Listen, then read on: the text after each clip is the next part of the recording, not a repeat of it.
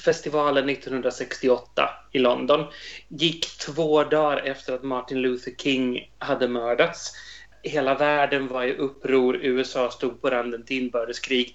Och där står artister från 17 länder i Royal Albert Hall i London och ska låtsas som att det är viktigt vem som vinner en schlagerfestival.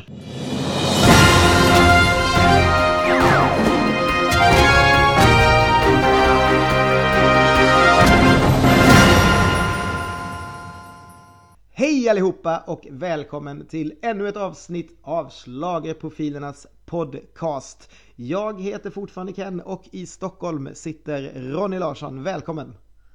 Kalla mig Krista Sigfrids från och med idag. ja, ni, ni, har bytt kö, äh, bytt place med varandra liksom. Vi har bytt place med varandra. Nej, här sitter jag och bara väntar på att få spela in ännu en härlig podd tillsammans med dig. Men vad härligt. Vad fint. Vad har du hittat på sen förra gången? Du har minsann varit i ett annat Eurovisionland och hängt har jag hört. Ja, men jag har, jag har ju varit i Paris. Underbar. Jag har mött våren i Paris. Eh, över helgen. Det var superhärligt. Det var jättefint väder. Jag gjorde precis som man ska. Satt på uteserveringar och tittade på folk och drack en massa vin. Medan min pojkvän drack ett glas så beställde jag alltid in en karaff. och nynnade på Almas Requiem bara för att få ha lite... Nej, den, den har jag inte ens lärt mig så jag håller fast vid Mamma Corsica än så länge. Mamma Corsica funkar ju alltid, det vet man ju. Jag tror till och med att jag såg Mamma Corsica sitta i ett fönster. Jag, det är jätteroligt. Åh gud vad härligt det lät. Vad har du haft för dig? Berätta om, di, berätta om din helg. Vad gjorde du? Det sägs att du lyssnade på, både lyssnade och såg på Eurovision-låtar. Ja, det här var min andra helg i rad som jag drack Hales med vin och tittade på Eurovision-låtar. Eh, det känns som att det är typ det jag ägnar mina helger åt nu. Eh, jag försöker ju mata in det här så mycket som möjligt eh, innan våra införprogram. Och det är ett så här härligt sätt att umgås med de här vännerna som, som liksom inte var med under melloveckorna och som inte ska åka med till eh, Kiev. Och så kör man liksom och kollar på det och så får man visa det för dem och det är väldigt roligt när de inte har sett någonting innan och man får höra lite vad de tycker. Plus att jag då liksom nöter in det här så att jag lär mig vilka länder eh, allting är. Så det är härligt men eh, om man har fått lite nya favoriter eh, och sådär. Så det, det har varit eh, trevligt eh, så. Men eh, visst, det, Paris lät ju kanske lite, lite härligare skulle jag säga. Sen har jag faktiskt precis kommit från gymmet där jag stod och sprang på ett löpband till min blandade Eurovision-lista och fnissade för mig själv när jag liksom, jag tänkte på att de andra säkert har någon så här högt BPM i lurarna och jag står där och springer till i Trene dit Sör. och Laponia. det finns ingen som, som sätter fart på en som Laponia. jag, jag, jag, liksom, jag fnissar verkligen för mig själv att så här, den här är bara jag på det här gymmet som lyssnar på just nu, garanterat liksom. Eh, så att, ja, det, var, det, det, var, det var härligt. Så jag har lite, lite Eurovision. Och sen har jag studerat in nya B-bar där vi ju såklart kommer att spela om ett år ungefär igen. De har fräschat upp det ordentligt, så där har jag också varit. Så det, det var min helg kan man säga. Ja men härligt. Det låter som, det låter som du håller igång även när vi, utanför turnén. ja men jag, jag gör mitt bästa. Um, jo men vi, vi, tänkte väl, jag vet inte om vi ska göra så att vi ringer upp vår eh, dagens gäst ganska tidigt. För det finns ju egentligen ingen anledning att vi inte släpper in honom eh, när vi ska prata både startordning och annat. Eller vad tycker du? Nej, absolut. Ring upp en bara. Ring upp en. Ja, men då är det så. Då ringer vi upp eh, honom direkt nu.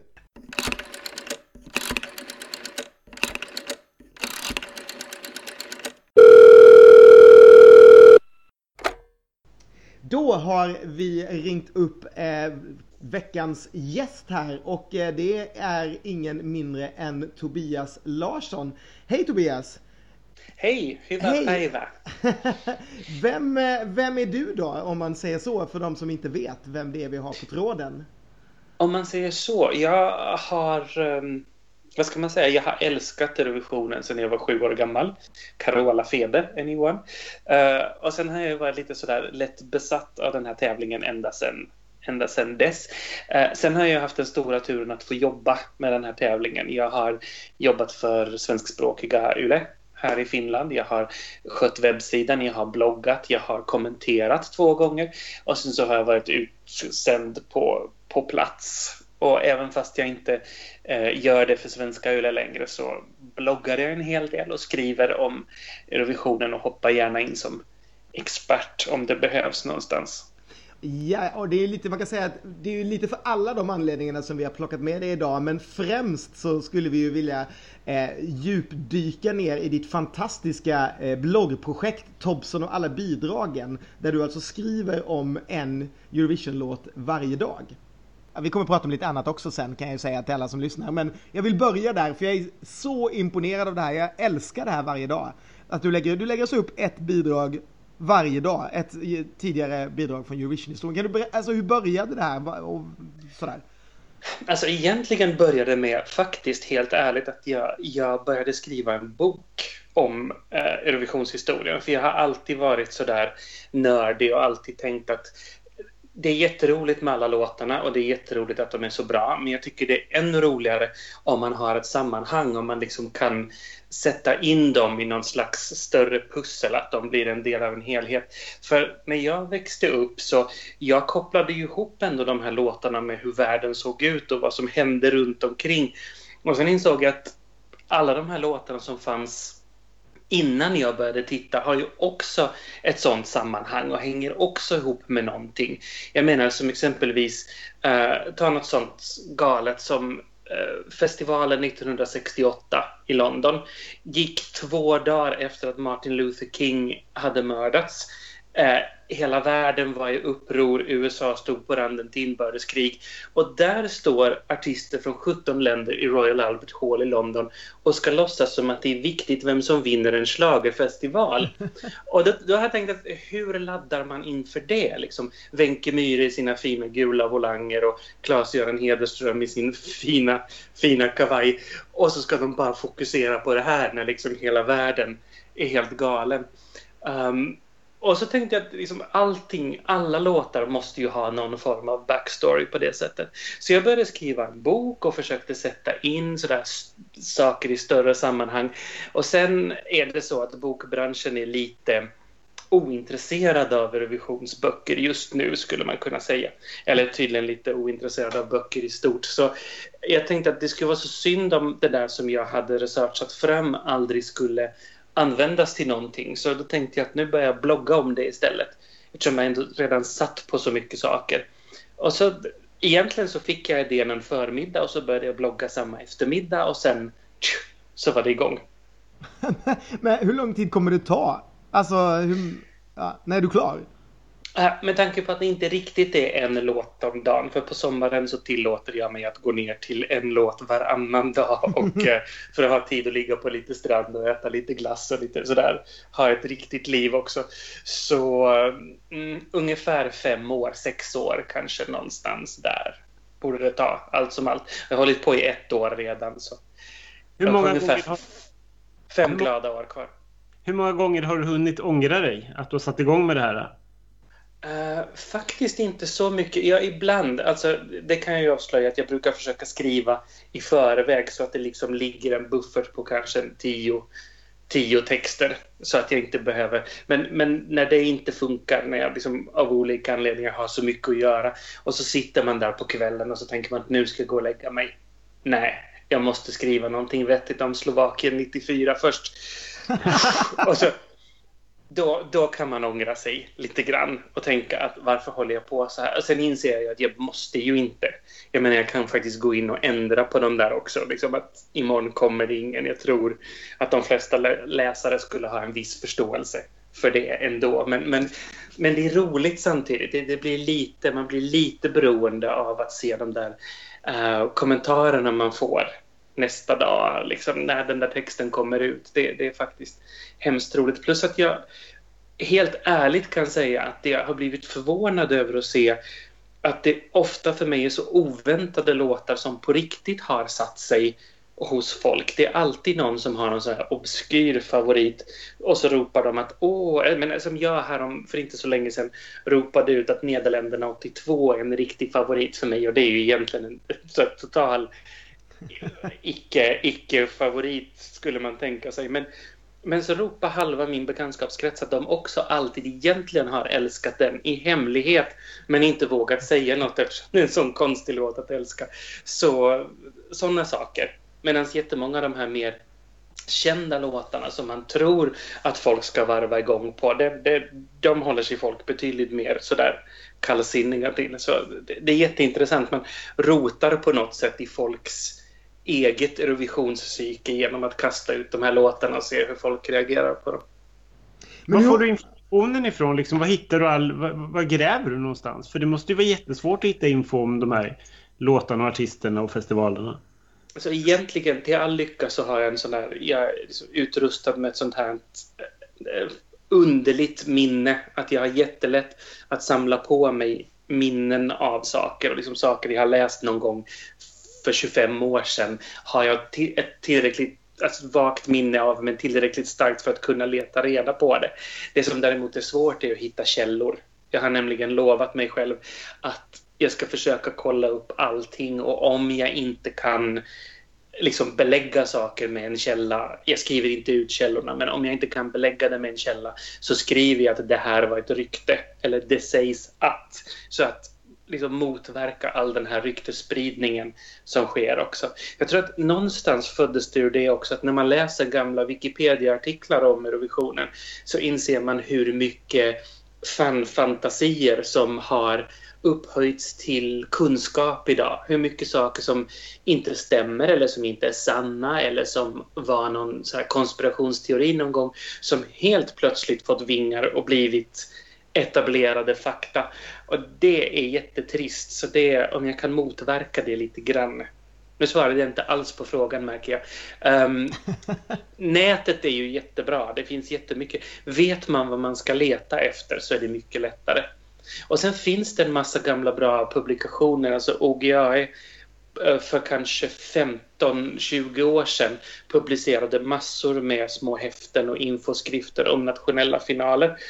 Och de ligger ju i någon låda här och skräpar. Eh, så, så jag, de är jättebra.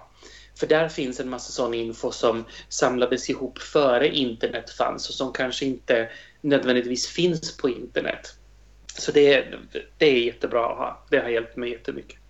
Alltså en sak som jag tycker är så härligt med bloggen är att de är så random. Alltså att det inte är, jag menar jag, jag har sånt otroligt ordningssinne och jag känner jag mig själv om jag skulle mm. det här projektet. Då hade jag startat, du vet så här, vid något, alltså jag startat från början och så gått framåt liksom. Låt för låt, startordning, Alltså på det sättet, vilket hade varit otroligt trist att läsa såklart. Nu är det ju så härligt för en del av förväntningarna för oss som följer där är ju det är som en adventskalender. Vad är det som kommer imorgon liksom? Men hur, hur har du systemet? Har du någon sorts Excel-fil där du liksom kryssar av dem du har gjort? Eller hur väljer du ut vad som... Nej, jag har faktiskt inte det. Jag går jättemycket på känsla att, liksom att nu, nu skulle jag behöva någonting sånt här. Plus att jag försöker, jag försöker påminna mig själv också om att, att, att um, nu skulle jag behöva en viss typ eller oj den här låten har jag helt glömt bort, den borde jag säkert skriva någonting om. Det som jag tycker är jättesvårt det är de här låtarna som har varit med i semifinalerna, sen semifinalerna inför 2004. För det finns så mycket låtar där som är så trista, dåliga, intetsägande som man egentligen inte har så mycket att säga om och de är jättelätta att glömma bort. Och då finns risken att jag sitter där ni har skrivit i fyra år och bara sitter med sådana låtar kvar. och så kan man ju inte ha det, utan, utan de försöker jag liksom sprida ut lite grann. Att nu plockar vi in den här och så plockar vi in den här och så hoppas vi att de tar slut någon gång. För det, det, det, skulle vara mardrömmen, att bli sittande med bara eh, låtar som blivit utslagna i semifinalen eller bli bara sittande med låtar från den svartvita tiden, du vet, bara låtar från 50-talet. För det, det var ju den största anledningen till att jag inte började från början, för att inte skulle jag orkat du vet, den här bloggen skulle inte ha kommit så långt när man skriver sin trettonde text om låtarna 1956. eh, så vill man ju bara skrumpna ihop. De kan vara jätteintressanta men det räcker med en någon gång ibland. Sådär. Det är ju så ändå att före 65 Ja, före 65 så var tävlingen så himla annorlunda. Så de får nog lov att spridas ut. Sådär. Det är rätt roligt om man tittar lite snabbt på hur du har taggat så kan man se vilka, vilka år som du gillar lite bättre än de andra. Vet, vet du vilka, så här på rak arm utan att tjuvkolla, vilka år du har skrivit om mest? Ja, jag vet. För, alltså, konstigt nog. Eh, men man drar fel slutsats där. Därför att det första det första året som jag gick och hade skrivit över hälften av låtarna om är 1978. Som mm. faktiskt inte är något favoritår. Det, det, det, är ett jättetråkigt år, jättedåligt år. Eller sådär, jättedåligt är det inte, men det är mediokert. Men det fanns mycket att skriva om de låtarna. De var liksom tacksamma. Där fanns Baccara och där finns Jan Teigen och där finns eh, hela det här fenomenet med alla länder som skickade grupper som såg ut som ABBA. Och, och det var liksom, det var lätt att skriva om 1978. Eh, sen har jag faktiskt satt ett embargo på mig själv att 1980 måste jag vara försiktig med för 80 är på något sätt mitt årtionde ändå. Det var ju liksom då jag var liten och som min kärlek till den här tävlingen vaknade. Så jag skulle ha kunnat skriva 1986 och 1987 på ett bräde. Så där bara tjofs. Men då skulle de också ha varit borta och det skulle ha varit jättesynd. Så de försöker jag faktiskt snåla lite med nu. Att, att inte skriva så mycket om dem ja, jag ser här att du har skrivit 12 gånger om 2004 och 12 gånger om 1994. Det är de som har fått flest mm. hittills. Att, ja. Jo, men alltså 1994 också sådana jättetacksamt år för det var sju länder som debuterade. Så då kan man liksom ja. smälla till med hela deras, du vet, på vilket sätt kom de in i tävlingen? Vad hade de i bagaget? Vad hade de för eh, inkom, vad heter det, ingångsläge till den här tävlingen? Var det sannolikt att de skulle lyckas eller var det liksom en förvåning? Eller hur var det? Mm. Så, så det var ganska lätt. 2004 är också lätt för det var första året med semifinal. Ja, just det. Så det finns en hel del att hämta där liksom. Ja, det, det, är liksom, det är liksom lätt. Och sen av någon anledning så 2011 har det blivit ganska många texter om också. Och det kan jag överhuvudtaget inte förklara. Det var ett kul år att vara på. Det var det. Jag var på plats i Düsseldorf så det kanske är därför som jag liksom undermedvetet plockar in dem. Mm. Men Ken gjorde ju lite grann en jämförelse med, med en adventskalender. Känner du någonstans att det finns, att det finns ett antal julaftonsluckor i det här? Alltså nyckelgrejer som verkligen så folk längtar efter att få läsa eller som är så stora ögonblick liksom, som du pytsar ut också lite då och då? Ja, det tror jag ju åtminstone, men, men sen blir jag ju som sagt väldigt förvånad. Alltså, en sån där som jag trodde skulle vara julafton och att alla skulle gå i taket, det var Turkiet 1980, Petrol med Ajda Pekkan, som jag fått för mig är en jättestor fanfavorit. Men sen visade det sig att den inte, folk var ganska svala till den. Då tänkte jag att jaha, okej. Okay. Samma sak när jag skrev om Främling, så jo, folk tyckte att det var helt okej, okay, men lite ointresserade var de. Det är som att folk ändå hellre vill att jag ska gräva fram deras gamla favorit. Och då måste jag ju skjuta i mörkret för jag vet ju inte vad folk har för favoriter egentligen. Det är ju sådär, ah, okej, okay, du vet, Tjeckien 2008 kanske någon egentligen älskar av hela hjärtat. Och då märker jag ju det först när jag har skrivit den. Jag älskar inte Tjeckien 2008, för, bara för, för protokollets skull. Så att, så att jag kan bli jätteförvånad över sånt. Så jag försöker nog pytsa, men ibland så märker jag att jag pytsar helt fel och konstigt på sätt som folk inte alls har tänkt sig. Så, eh, det som jag, en annan sak som jag faktiskt försökte ta hänsyn till är också det här att försöka lyfta in relativt kända låtar, exempelvis när det är Melodifestivalveckan, när folk söker mm. mycket. Um, men sen vet jag inte om det är en bra strategi eller en dålig strategi därför att under revisionsveckan exempelvis har ju folk så mycket annat att läsa. Så att jag kanske egentligen borde spruta ur mig en massa svartvita 60-talslåtar då. Hålla liksom... Och sen så läser folk i fatt sen efteråt istället. Jag, jag, vet inte vad som är den bästa strategin. Jag försöker nog fundera fram och tillbaka men inte det är så lätt inte.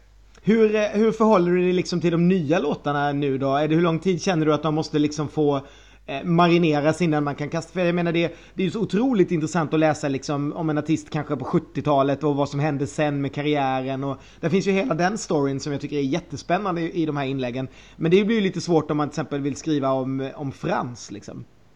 Ja, precis. Därför vi vet ju ingenting om hur Frans karriär blir. Vi vet ju liksom inte att förblir han ett one-hit wonder eller kommer han att ha en fantastisk karriär och, och liksom pulverisera framtidens eh, Så mycket bättre om tio år.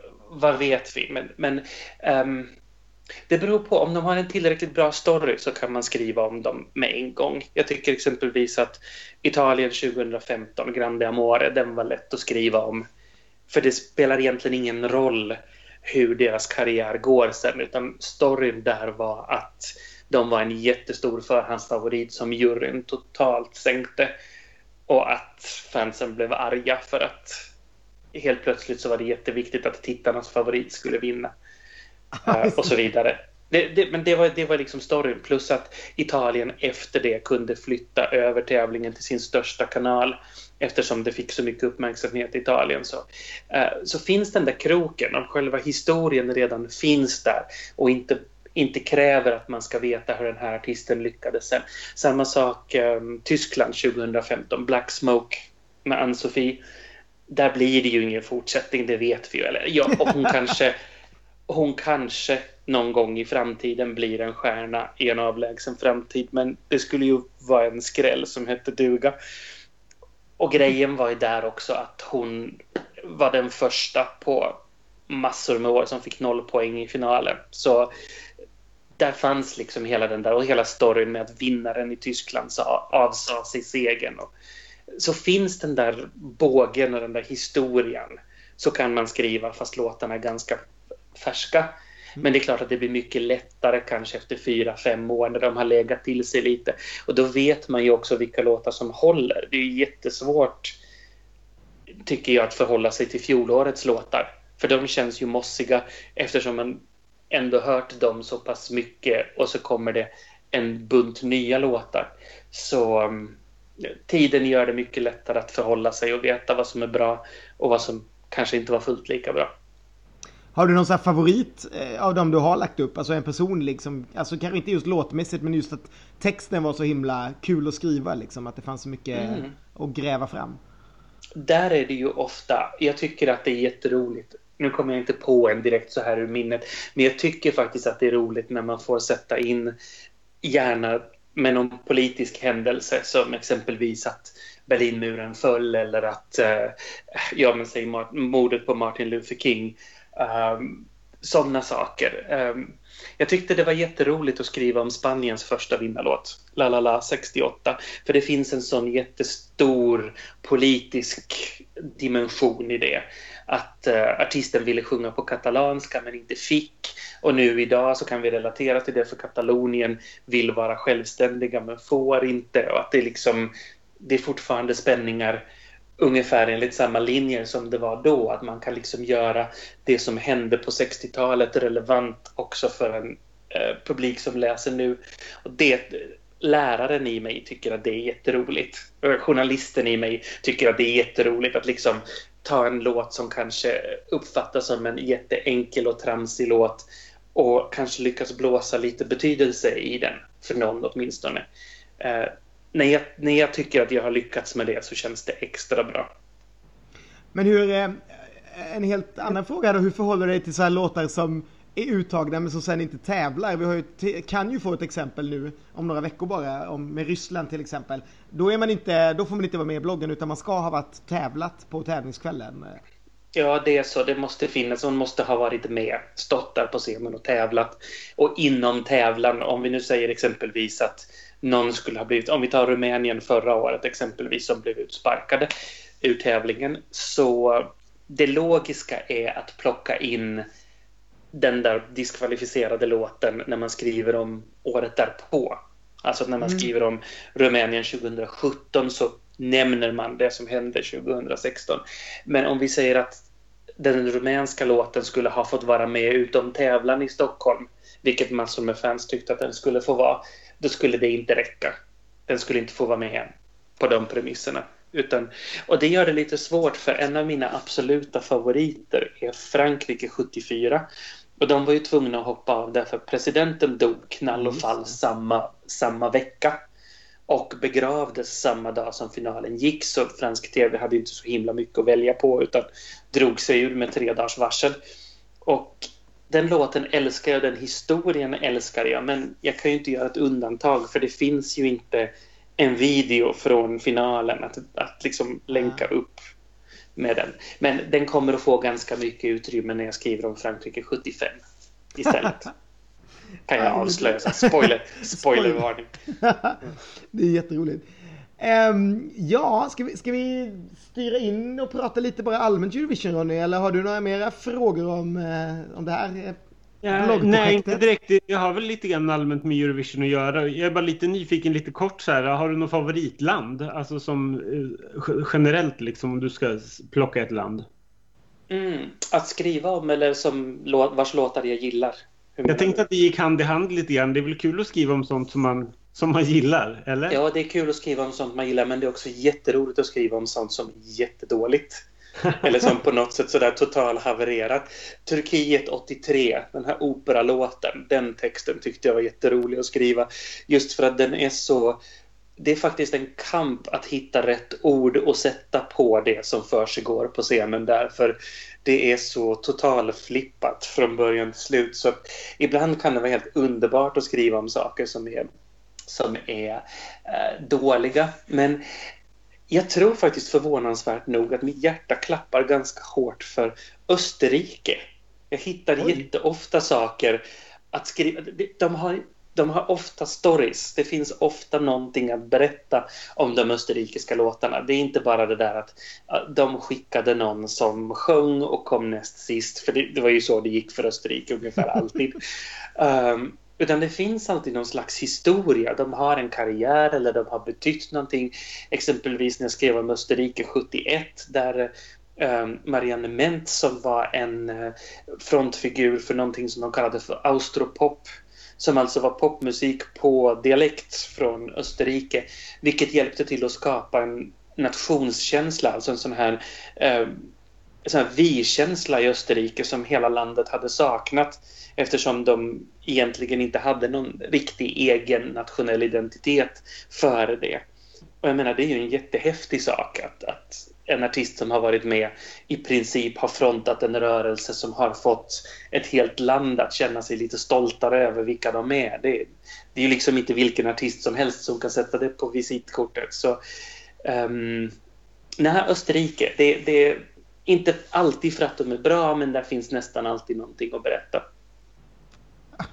jag sitter bara och tänker på, för den förra, första, eller den senaste teckningen jag läste i bloggen var den om Valentina Monetta. Man kan kanske inte riktigt säga samma saker om henne. Det är inte riktigt tjejen kanske som sätter sitt land på kartan, även om hon har försökt fyra gånger nu snart. Jo, hon har ju försökt och hon, alltså på, på sätt och vis har hon ju det. Hon är liksom som en slags antimateria till den här österrikiskan då, för hon, hon har ju ingen personlighet alls om man jämför. Nu ska jag inte nu ska jag inte såga Valentina Monetta för hon är en helt okej okay sångerska men hon är en ganska dålig artist. Och hon har ju ingen integritet, ingen egen stil. Ralf Siegel kommer och trottar en låt på henne och säger att nu ska du sjunga om cybersex på Facebook och hon bara okej okay då. Och sen nästa gång så kommer de med någonting helt annat. Nu ska du sjunga liksom Flashdance disco för det är du. Ja ah, okej okay då säger hon. Ingen, hon står liksom inte för någonting utan hon tycker bara det är så roligt att vara med. det är jätteroligt. Um, men det här blir, det blir en ganska härlig och naturlig övergång också. För en sak som vi inte har pratat om den här podden än och som är jättekul att vi har med dig att prata om är nämligen startordningen. Som, mm. eh, som har släppts i veckan. Eh, och vi har inte pratat om den alls Ronny och jag. Eh, men, jag men jag tänkte ändå bara vad, alltså Sverige går ju ut först, vad tror vi om det? Två gånger innan har vi gjort det. Inte i någon eh, semi då, men i en, eh, i en final. Är det bra eller dåligt? Det gick ju ganska bra för Hayes. det gjorde det ju. Det får man ju, får man ju ge dem. Roger Pontare, Marie Bergman lite mindre så, men eh, det är ju en semifinal. Det handlar ju om att komma in bland de tio bästa. Och jag tror att i Sveriges fall så spelar det ingen roll. Eh, jag är ju nästan 100% säker på att det är just Christer som har lag, lagt den här startordningen. Och eftersom han är svensk så var det ganska smart att lägga Sverige på ett startnummer som inte är sådär klassiskt jättebra. För då slipper han alla de här... Du vet, säg att han skulle haft möjlighet att lägga Sverige på ett sånt här riktigt glassnummer. Säg att han skulle ha lagt Sverige sist i semin istället. Nu gick det ju inte det för att Sverige var lottat i första halvan. Men säg att han skulle ha gjort någonting sånt, att han skulle ha lagt det bästa startnumret som man bara kunde tänka sig på Sverige så skulle ju hela Europa ha ropat bu och korruption. Nu har han kanske chansen att göra det i finalen sen istället. Men jag är ju ganska säker på att Sverige går igenom liksom, i vilket fall. Det skulle bli jätteförvånad om Robin inte gick till final. Den har jag tänkt på också jättemycket när du sa där om finalen. För att nu, vi, vi har ju blivit lottade i början nu ganska många gånger när vi har haft ganska ja, men många så här vinnarkandidater och, och hit och dit. Men vi lyckas ändå hamna på liksom översta halvan. Det skulle inte förvåna mig ett dugg om vi nu hamnar på nedersta när vi typ har Christer där som inte liksom, precis som du säger, kanske inte kan sätta oss sist liksom. För att, nej men för att det skulle bli en massa snack. Eh, så att vi ja, ändå måste det... hamna någonstans. Ja, det är faktiskt så att där räcker ju reglerna liksom inte till därför att reglerna säger att, att värdlandets startnummer lottas. Men egentligen borde det ju vara så att den person, alltså det landet som personen som lägger startordningen kommer ifrån, borde lottas. Ja. Eh, egentligen. Så, så att eh, men, men, samtidigt så är ju Christer jättebra på det här. Jag tror inte det finns någon producent i Europa som har samma så här fingertoppskänsla för hur en startordning ska läggas. Därför att jag är ganska, jag är ganska känslig för, för startordningar. Och jag måste ju säga att 2013 och 2016 är väldigt mycket bättre än exempelvis 2014 där det känns som att danskarna har lagt alla länder i en hatt och sen dragit och sen låtsas att de har... Det är jättekonstig startordning på jättemånga sätt medan de känns jättesolida när SVT har hållit i det. Så. Man ja, kanske skulle ha någon som kan som gör det varje år istället för att låta värdlandet göra det. Hur, hur tänker du när du, du, du, nämnde ju att du var just intresserad av och känslig för startordningar och sånt. Vad, vad är viktigast när man sätter en startordning tycker du? Jag tycker att det är jätteviktigt att dynamiken håller. Jag menar, det finns, det finns startnummer som är dåliga eller bättre eller sämre. Det finns det helt klart. Men samtidigt så tänker jag så här att om, på den tiden när man fortfarande lottade startordningen, om vi säger att Alexander Rybak skulle ha fått startnummer två i finalen. Startnummer två har aldrig vunnit. Så skulle han ha vunnit i alla fall. För han var fenomenet. Han var han hade en sån energi som ingen annan kom i närheten av. Han skulle ha vunnit också med start nummer två. Ehm, så jag tror att man måste tänka bort den där statistiken. Plus att statistiken faller ju nu när det inte är lottning längre utan någon som vet att start nummer två är dåligt och kanske lägger en låt som de inte tror på där mm. med flit. Så nu minskar ju sannolikheten för att start nummer två någonsin ska vinna just av den anledningen. Och på samma sätt som att startnummer ett är ett dåligt startnummer därför att man vill ju spara de bästa låtarna så sent i programmet som möjligt för att hålla tittarna kvar. Så att eh, eh jag tror att man inte ska tänka så mycket på vad som är ett bra och dåligt startnummer utan försöka se till att det känns som ett bra blandband Eh, för ungdomarna kan jag berätta att blandband på den tiden, för vi hade MP3-spelare, så spelade vi in kassettband och då liksom skulle man lägga låtarna i en så pass bra ordning så att man orkade lyssna på det här kassettbandet många gånger eftersom man inte kunde trycka på någon sån här shuffle eller någonting sånt. Uh, och, och, lägga en startordning i Eurovisionen är samma grej som att göra ett riktigt bra blandband man måste få den där ordningen så att det känns naturligt, att det lever, att det inte kommer jättemånga likartade låtar efter varann och så vidare. Så om, om dynamiken håller så är det bra för alla länder, också för de som får trista startnummer. Men jag måste följa upp det där med, med en fråga bara. Eh, finns det något land, du nämnde Rybak att han hade vunnit i alla fall, men finns det något land som verkligen, verkligen har förlorat på startnumret de senaste åren? Som, verk, som liksom var en vin, tydlig vinnarkandidat men föll totalt för att den liksom fick ett dåligt startnummer? Ja, eh, det finns ju alltid sådana där man kan misstänka men å andra sidan så man kan ju inte bevisa, nu pratar vi ju parallella universum, man kan ju liksom inte bevisa att den där låten skulle ha gått hem med ett bra startnummer heller. Eh, så att, men jag menar som min favorit förra året, åtminstone före jag såg liveframträdandena, Italien eh, som fick nummer sex i början och sen var hon lite nervös och lite skakig på scenen men den låten vann ju inte på sitt startnummer om vi säger så. Åtminstone. Um, men, men det, finns, det finns absolut sådana låtar som har känts som riktiga jättestarka kandidater och sen när startordningen kommer så känns de bara fullständigt borta med vinden som att där försvann alla chanser. Mm. Ja, verkligen. Nej, men, eh, det är precis som ni, ni, säger båda två att det har ju verkligen inte, alltså för några år sedan var det ju verkligen så här, kom du senare så, så gick det bra men jag, det var ju bara, var väl bara för några år sedan som Storbritannien fick sista, det var väl 2014 va, som de la Storbritannien sist och det var ett så här jättesus bland fansen liksom att det är nu kommer de verkligen, och hon hamnade ju på plats 17 eller någonting liksom där. Mm. Så att, och det var inte allt, då, där låg ju liksom, då var det ju Conchita och Sanna och där som, som eh, slogs i början. Och det, det, det du säger är väldigt så här, för det jag tänkte på när jag körde, för de har ju klippt ihop sådana här snabba, snygga YouTube-klipp då när man fick startingången ganska fort, vilket jag tycker är härligt när man ser bara lite snabbt. Att det, det Christer är bra på, för jag tror väl också att Christer har varit ganska inblandad i det här, det är att man får ju, det är inte bara det att man ska orka lyssna på det, utan man får ju verkligen varje låt att stå ut på ett annat sätt också, även om det är en ganska, kanske, Eh, ja, lite, lite halvjobbig ballad så lägger man dem rätt så lyser de ju på ett helt annat sätt liksom. Och samma sak med upptempo liksom. Trycker man in en, en ganska så här halv slarvig men som ändå är lite tempo i så kan den bli fruktansvärt mycket bättre om den ligger mellan två såsiga ballader. Så att eh, väldigt, alltså jag tyckte att hela startfältet fick ett uppsving när jag hörde på dem i rätt ordning. Jag är inte sådär superimponerad av, av Semi 2 nämligen, men den tyckte jag blev ganska mycket bättre när jag, när jag hörde dem i, startordning. Liksom. Jo, för det känns okej okay när man får dem liksom, för man kan ju, där, där är vi ju på storytelling också. Att om du har, om du faktiskt har så att du måste lägga tre ballader in till varandra av någon anledning så kan du ju välja den som är minst intensiv först och sen liksom bygga upp intensiteten uh, så att de liksom knuffar upp varandra och inte lägga den bästa först för då kommer de två bakom att kännas jättebleka och så blir det tråkigt i programmet. Utan, utan just sådär att bygga med de där klossarna, att liksom fundera på att hur ska vi måla fram det här.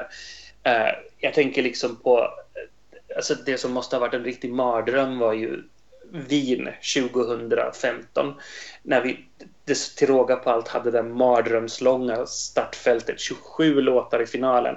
Jag förstår inte hur de tänkte när de godkände det. Uh, för det finns, det finns någon slags gräns. Du nämnde Storbritannien 2014. Uh, eh, på något sätt så känns det som att människans... Alltså, när det var 24 låtar i finalen, det kändes ganska perfekt. 22 eller 24. För så många låtar kan man fortfarande bolla med. Och sen är det som att det kommer ett trappsteg emot där mm. det liksom bara blir för mycket. Alltså startnummer, den som går ut sist misslyckas ju nästan alltid. Det är jätteovanligt att den som sjunger sist sen är med i slutstriden. Ja, var... De här senaste åren. Det var väl just bara 2015 som du faktiskt nämnde, för det var väl Italien mm. som lyckades få den. Eh, och Polina var väl inte direkt innan, men strax innan. För jag, kommer ihåg ja, det just för att var... vi, vi var ju så Måns eh, hysteriska då och han var ju placerad mycket högre upp liksom. Mm. Jo, alltså Ryssland kom som nummer 25 och Italien som nummer 27. Och de lyckades ju sparka liv i varann. Där lyckades de med dynamiken. Att det blev intressant där. Men det där långa sjoket med ballader, för jag menar 27 låtar och så var kanske 14 av dem ballader. Det är, det är en mardröm. Hur, hur gör du ett intressant program av det? Det går ju liksom inte. Om du inte är trollkarl möjligen. Så uh, ja, nej, det, det, det, var, det var en hemsk sändning. Alltså på riktigt, den borde ha varit 20 låtar lång. Då, då hade den varit mycket bättre. Mm. Är det något, nu vet jag inte hur, hur, ni har, hur stor koll ni har på den nya startordningen. Men är det någon som man kan känna som, som är lite vinnare här eller någon som är lite förlorare av dem som vi, eh, vi har eh, i år? Mm, det som jag har lärt mig eh, sen det blev två semifinaler, egentligen sen vi fick semifinaler överhuvudtaget, men ännu tydligare sen vi fick två semifinaler, är att allting som man tippar och tror och tänker före fredag morgon är fullständigt ogrundat. Det har liksom ingenting med verkligheten att göra. Man behöver liksom veta vilka som är i finalen och i vilken ordning de sjunger. Sen kan man börja gissa. Därför att det är så många gånger. Jag vet inte om ni kommer ihåg den. 2008 Rumänien. Det var en sån här jättepompös ballad, en duett killen var operasångare och så hade han någon schlagerdiva med sig och så sjöng de en så jättehögtravande duett. Den kändes som en eventuell vinnare i semifinalen. I finalen blev den lottad som nummer ett. Det var en ganska bra inledningslåt men den var ju fullständigt borta med vinden sen när det var dags att börja rösta. Ingen kom ihåg den och den kom liksom jättelångt ner. Så och jag minns att jag satt där och tänkte att oj, men Rumänien trodde vi ju skulle ha en chans. Men den är ju helt fullständigt borttappad. Så att det spelar så jättestor roll hur dynamiken blir i slutprogrammet och vilka sådana startnummer. Men mm, det, det, är klart att exempelvis Finland lyckades bättre nu än vad jag trodde att det skulle bli. Jag tror att Finland fick ett ganska bra startnummer. Vi blev nummer sju mm. i, i vår semifinal. Och det kommer ett par ballader före, men de är, är kanske mer Finland kanske är en mer originell ballad och då hinner tittarna förstå att den är det om det kommer två eller tre mer standardballader före i ja, startfältet.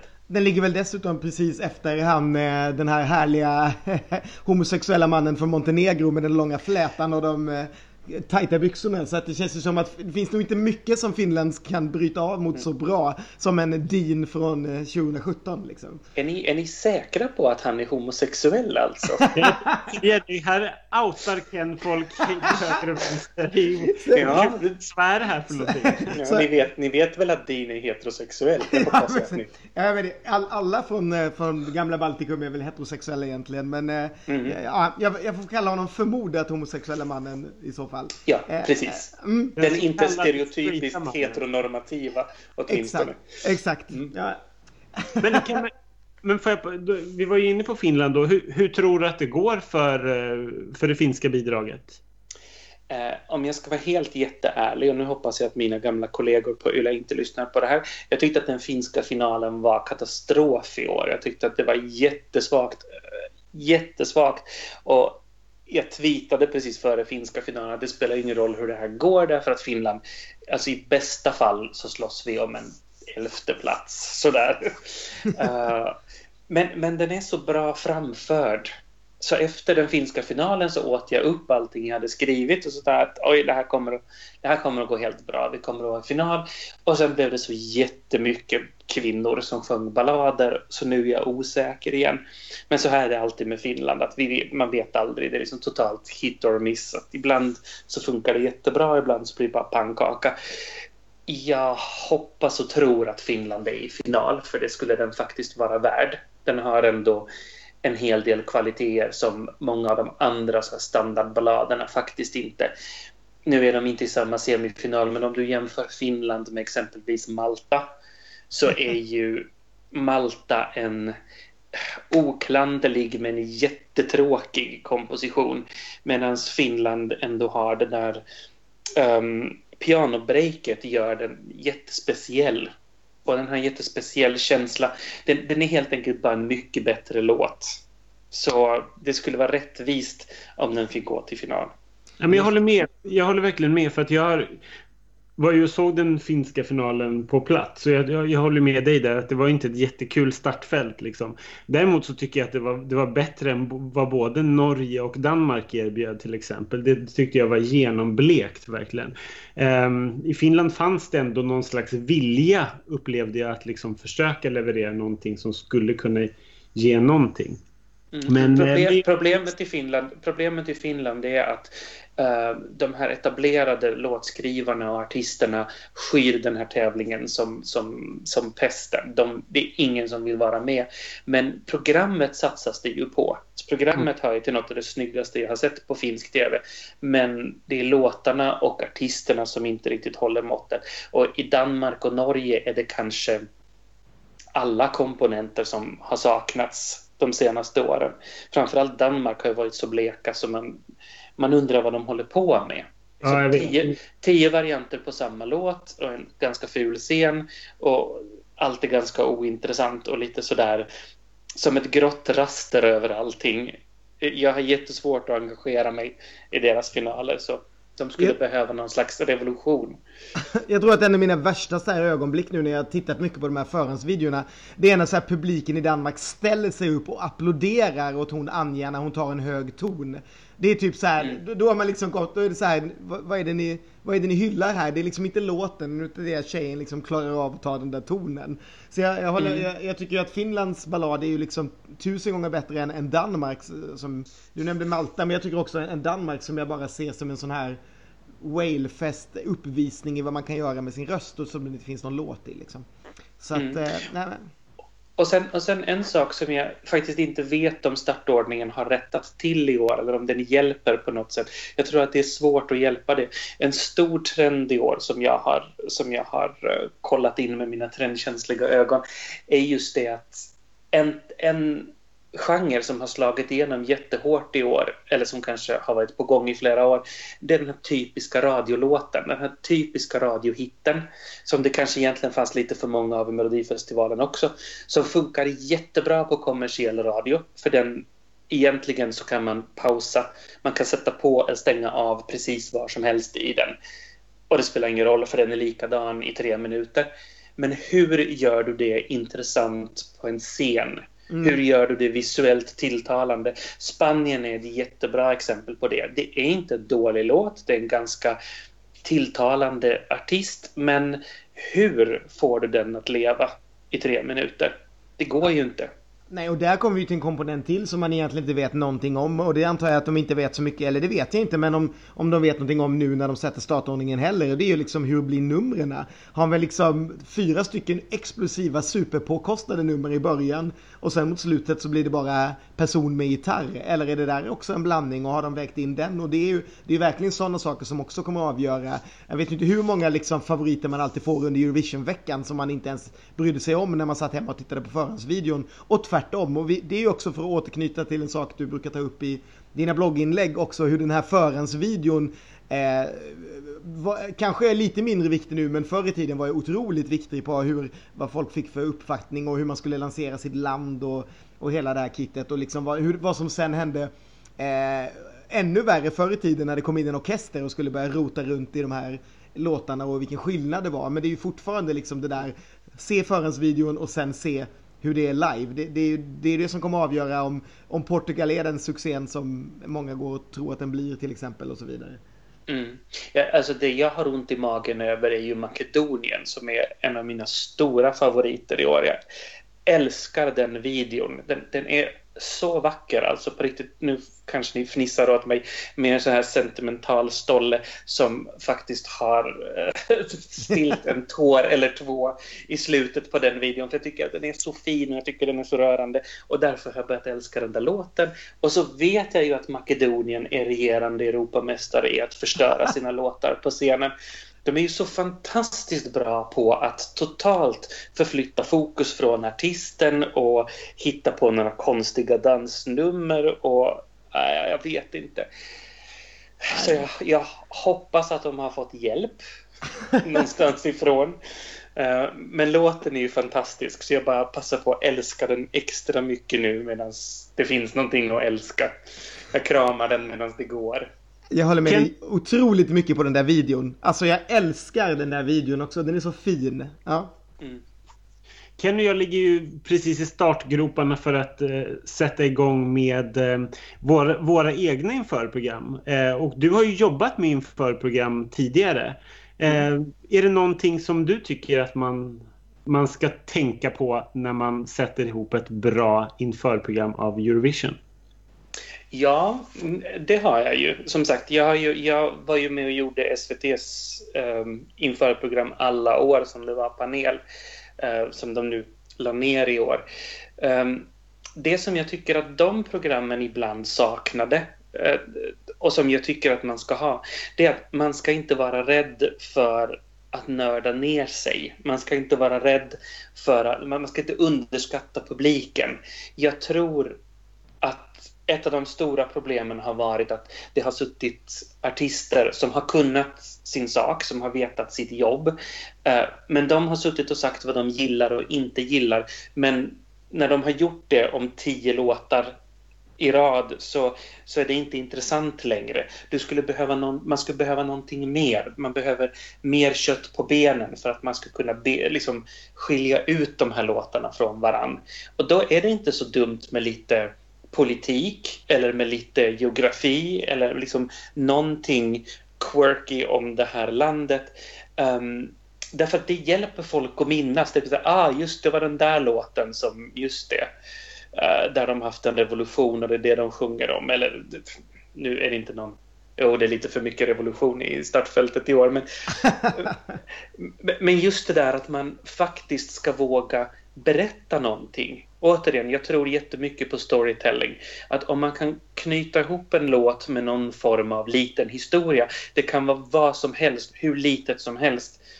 Så får de där låtarna mycket mera betydelse för den som lyssnar. Och då är det lättare att ta till sig det man säger. Och om man först har brett på med lite info och lite fakta så är det okej okay att sen tycka. Men om människor sitter och bara tycker så blir det vansinnigt långsamt att lyssna på. Därför att jag som lyssnare eller tittare kan ju tycka precis lika bra som vem som helst. Jag menar, min gissning är lika bra som alla andras gissning och då måste den som är expert i ett program förtjäna den där titeln. Den måste liksom berätta för den som lyssnar eller tittar att jag vet faktiskt vad jag pratar om, tro, tro mig. Och då är storytelling ett jättebra sätt att visa att man faktiskt har satt sig in lite grann i det här. Så, men ni brukar faktiskt vara väldigt bra på det. Ni brukar alltid ha den där kroken och den där lilla förklaringen först. Och så kan man liksom nörda till efter det. Sen förstår jag att SVT inte kan gå lika djupt som en podd exempelvis. Men jag skulle ha velat ha lite mer av det där djupet. Jag skulle ha haft lite mer grävande kanske mm. än vad det var de senaste åren. Ja, det, jag håller med dig helt. Det, det, precis så tycker jag att det är också. Sen kan jag känna själv att vi har ju kört dem, det här är tredje året vi gör dem lite mer avancerat. Och vi nu har man dratt de där historierna om länderna, alltså deras historia bakåt eh, i varje program. Men, men det finns ju alltid liksom en ny krok att fiska upp på hur de har tagit fram sina låtar under året eh, och, och sådana saker. Och det tycker jag är ganska viktigt att veta och ganska kul också att liksom hur har den här låten hamnat i det här sammanhanget? För det är ju så olika eh, och det är ju så olika vägar dit och bara den historien tycker jag att de alltid ofta saknade i i SVT-programmet. Det kunde bli väldigt mycket så här, hon, hon ser ut så där i videon. Och det har vi ju precis mm. diskuterat att det, det, har ju faktiskt ingen betydelse när vi väl kommer kommer dit. Det, det, kan ju vara en kul fakta också eh, att nämna en video. Jag, jag lär plocka med mig samma oro som du hade om, Montenegro, äh, om eh, Makedonien in i, mm. i, i våra program. Eh, men, men eh, precis som du säger, fokus måste ju verkligen ligga på vad, vad, är det som är speciellt här? Vad har den haft för väg in i, i programmet? Typ? Mm. Och, och, det som jag också har saknat i SVTs program de senaste åren är just den här... Det som var jättebra när panelen var nordisk var att det blev ett större spektrum. Det fanns flera olika ståndpunkter, olika sätt att närma sig de här låtarna. Uh, när det är fyra stycken artister som alla varit med i Melodifestivalen som är ungefär lika gamla och som kanske har ungefär samma erfarenheter så är det jättelätt hänt att de sitter och tycker ungefär samma saker. Och plus att de kan inte, det är inte ett intressant perspektiv för dem vad man kanske gillar i Ukraina eller Moldavien eller Israel. Och om du inte ens försöker förstå det så är ju poängen med att försöka förutspå hur det ska gå i tävlingen ganska lika med noll. För det är ju en jättestor skillnad på vilken typ av låtar man gillar. Sveriges gamla problem exempelvis att Sverige valde sådana låtar som svenskarna tyckte var liksom eleganta och snygga men som resten av världen tyckte var iskalla. Som Charlotte Perrellis Hero exempelvis. Mm. Som liksom inte alls funkade fast svenskarna trodde jättemycket på den. Och just den där bristen på analys. Um, jag tror att utländska fans också uppfattar Sverige jättemycket på det sättet att Sverige är lite som en egen planet som faktiskt inte bryr sig så mycket om de andra länderna och inte bryr sig så mycket om vad de andra länderna tycker. Um, så att det skulle jag vilja peta in mer av. Den där försöket att förstå också hur andra, liksom var andra kommer ifrån. Att inte sådär peka finger och säga att öh, vilken töntig låt de har där. Utan faktiskt försöka förstå den här kanske har ett värde för någon. Alltså det här behöver man inte sitta och säga i varje podd. Den här har säkert ett värde för någon. Sådär, Litauens låt har säkert ett värde för litauerna. Men om man, om man tänker tanken för sig själv innan för att man ska hitta någon slags analys så på ett par, kanske tre, fyra låtar så kanske man hittar någonting som man skulle kunna säga för att framstå så mycket smartare i sin analys. Och, och det där har jag saknat lite grann i, i så många sammanhang där låtarna recenseras. Så, så där, analys är bra. Det där tipset kommer jag inte ta åt mig. Jag kommer bara säga det här är musik för ingen. Jag förstår ingenting. Det här är så dåligt. Jag förstår ingenting.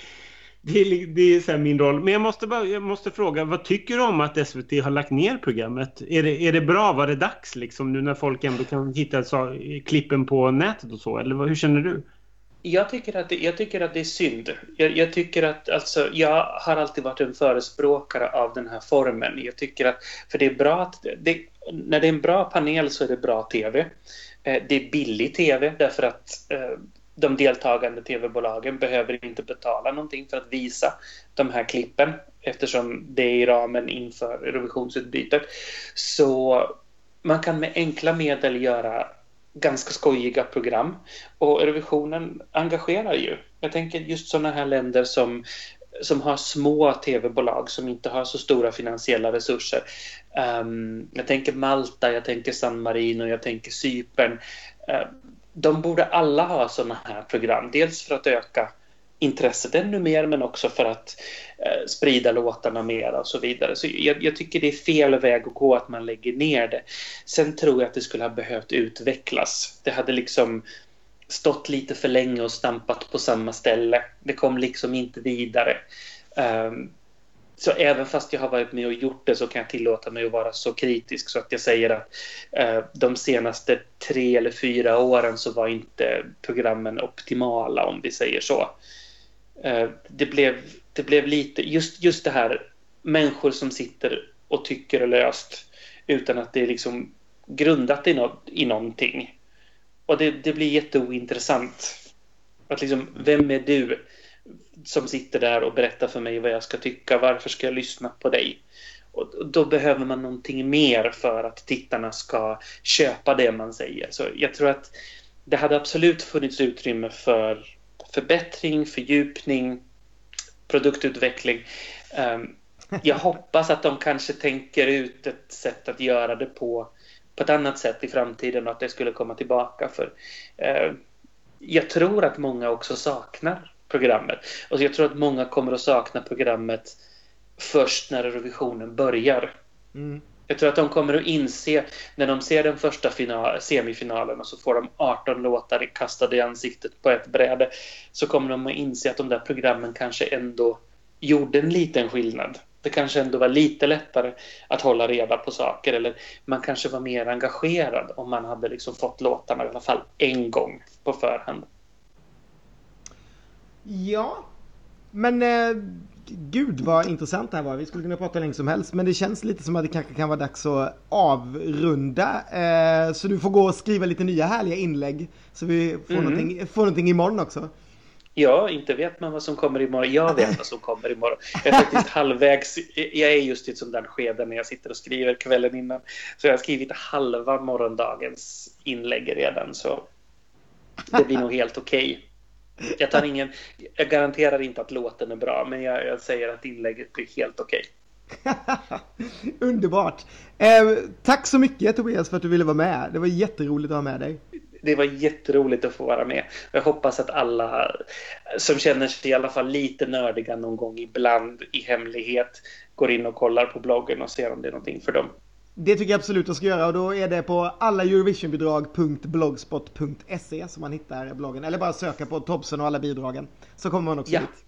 Då ploppar jag fram. Det var jättekul att vara med. Så ha det så bra, ha en trevlig säsong. Japp, det där var Tobias. Det blev väl härligt. En liten nördpodd. Det var länge sedan vi riktigt grottade ner oss i sånt här eh, Eurovision-nörderi. Det var härligt. Ja, men jag älskar sånt. Jag tycker, jag tycker att det är jätte, jättekul att lyssna på. Jag skulle kunna sitta en hel kväll och bara lyssna på Tobias när han berättar om olika bidrag. Jag är, ju, jag är helt besatt av den här eh, av bloggen. För att jag tycker att det är så kul när det bubblar upp speciellt saker som jag kanske bara sett, ja men du vet, man, som har flimrat förbi ens barndom. Som man mm. inte hade någon så här uppfattning om direkt då. Som inte var någon jättefavorit som man visste så mycket om. Och så får man veta jättemycket om det nu. Så att jag älskar den där bloggen verkligen. Jag tycker det är en sån genial idé. Och så blir jag liksom så här, så här fånig också, också blir lite stolt varje gång det är ett svenskt inlägg. Alltså av ingen, ingen anledning alls. Det är liksom, Eurovision är verkligen en så här ersättning för sport för mig. Det blir så här, jag förstår hur folk kan vara så där blir så här löjligt nationalistiska över ingenting när det gäller sport. För så blir jag verkligen på så här, på det här. Man bara, åh, det är en svensk låt och vad bra vi var då och bla bla bla. Så här, ja, det är härligt. Jättehärligt. Så vi pratar lite startordning och sånt också. Och vi ska väl nämna det att ja, vi har börjat eh, dra i våra införpoddar. Just nu så eh, har vi väl stort sett hela vår panel färdig. Eh, och vi är jättestolta över den och den kommer vi berätta om lite senare och vi ska försöka börja spela in de här poddarna någon gång i, eh, innan påsk helst eh, och eh, förmodligen under påsk och strax efter påsk. Men sen kommer ni få dem eh, i god tid innan eh, schlagerprofilen åker till Ukraina. För det gör vi också, har vi bestämt nu till slut. Japp. Japp. Vi packar våra väskor och automatvapen och vi Nej, det ska, det ska bli jätteroligt. Jag är, jag är faktiskt jättepepp eh, på, mer pepp på själva resan än startfältet. För jag har inte hunnit sätta mig in så mycket i det än så länge. Så att jag tycker bara att det ska bli mest kul och bara... Jag ser framför mig att det blir som, som vin på något sätt, vilket är jättekonstigt. Men det var för att vi var hemma förra året, så att vi har liksom inte varit utomlands. Eh, på det sättet i Eurovision-sammanhang. Så det ska bli jättekul. Jag ser Düsseldorf korsat med vin och med en massa vin. Ja, det, jag tänker det också. Jag tänker så här, jag har inga förhoppningar på så här Euroclub och sånt. Eh, för det var ju så här fantastiskt förra året. Inte för att ni lyssnare kanske, nu är vi väldigt navelskådande igen. Men, men just sen började jag tänka lite, jag menar, eh, hallå, vin var ju bara asdåligt på den fronten. Och Köpenhamn var inte så roligt heller. Vi har ju kul ändå. Vi behöver inte några stora härliga tält där vi får DJa egentligen, även om det är en härlig krydda. Utan vi kommer ju ha kul i alla fall. Så jag är också ganska pepp. Och det, det, det har tagit en stund att få tillbaka den peppen jag som var i Ukraina i våras.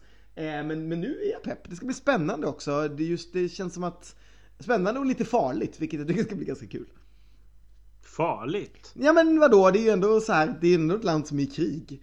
Eh, som, ja, som vi ska åka till. Sen är det väl inte mera farligt där än i Sverige. Jag menar, någon gång, och det här kommer jag bara säga, någon gång kommer det ju hända något hemskt under Eurovision. Det händer ju någonting hemskt under alla stora evenemang och det har de klarat sig ifrån ganska många år. Eh, Men det behöver inte bli i år och framförallt ingen ska ju få skrämma mig till att åka på det som är det roligaste jag vet. Bara för att liksom det går inte. Då har man ju, då har man ju liksom kapitulerat för alla de här idioterna som finns runt om i världen. Eh, Så det ska bli svinkul. Vi ska åka till Ukraina och hoppas att det finns eh, svinbra uppkoppling överallt i Ukraina så vi kan sända roliga liveslagerstudios därifrån och så vidare. Men det tar vi ju såklart sen. Eh, Jag skulle också vilja nämna att vår eh, lilla Frenemy-podd, en annan av eh, Sveriges eh, härliga schlagerbloggar, nämligen Schlagermick och hans vänner, de har faktiskt redan börjat gå igenom alla årets bidrag. Så om ni letar upp dem på iTunes så kan ni redan nu börja lyssna eh, så här lite innan på eh, vad de tycker om bidragen. Men ni får, eh, ska ni bara välja en podd då så måste ni såklart välja schlagerprofilerna. Men vem fan vill bara lyssna på en podd? Det är klart ni ska lyssna på dem också. Jag, jag vill bara lyssna på en podd. Du lyssnar bara på den här podden när du spelar in den och sen, sen bara lämnar du det bakom dig. Erkänn. Du har aldrig hört ett enda avsnitt. Till skillnad från dig som lyssnar på, på var, varje avsnitt en dag per dag. en gång per dag. När du går, när du går dina powerwalks på morgonen, när du kommer hem och lagar middag. jag lyssnar faktiskt på skam, skamligt många poddar skulle jag säga. Och det är, det är faktiskt förvånansvärt hur lite folk har att säga, men hur mycket jag lyssnar på det i alla fall. Idag har jag lyssnat på när RuPaul och Michelle Visage har diskuterat vilka olika snabbköp de brukar gå i och vilken sorts päron och sånt de brukar handla. Och det har jag lyssnat på i liksom 25 minuter och tyckt var helt okej. Så ni kan förstå själva att jag är ganska lätt underhållen. Men ja, jag försöker lära mig eh, att undvika de misstagen och därför så tänkte jag att vi ska avsluta nu innan det här blir alldeles för långrandigt. Vi kommer förhoppningsvis tillbaka om en vecka om vi hittar någon rolig gäst eller om vi har någonting mer att prata om. Annars får ni vänta lite längre och då vet ni att ni bara väntar på något gött för då håller vi på att spela in Eurovision-poddar. Så håll ut och eh, ha en fantastisk vårvecka. Puss och kram, imorgon är en annan dag. Hej!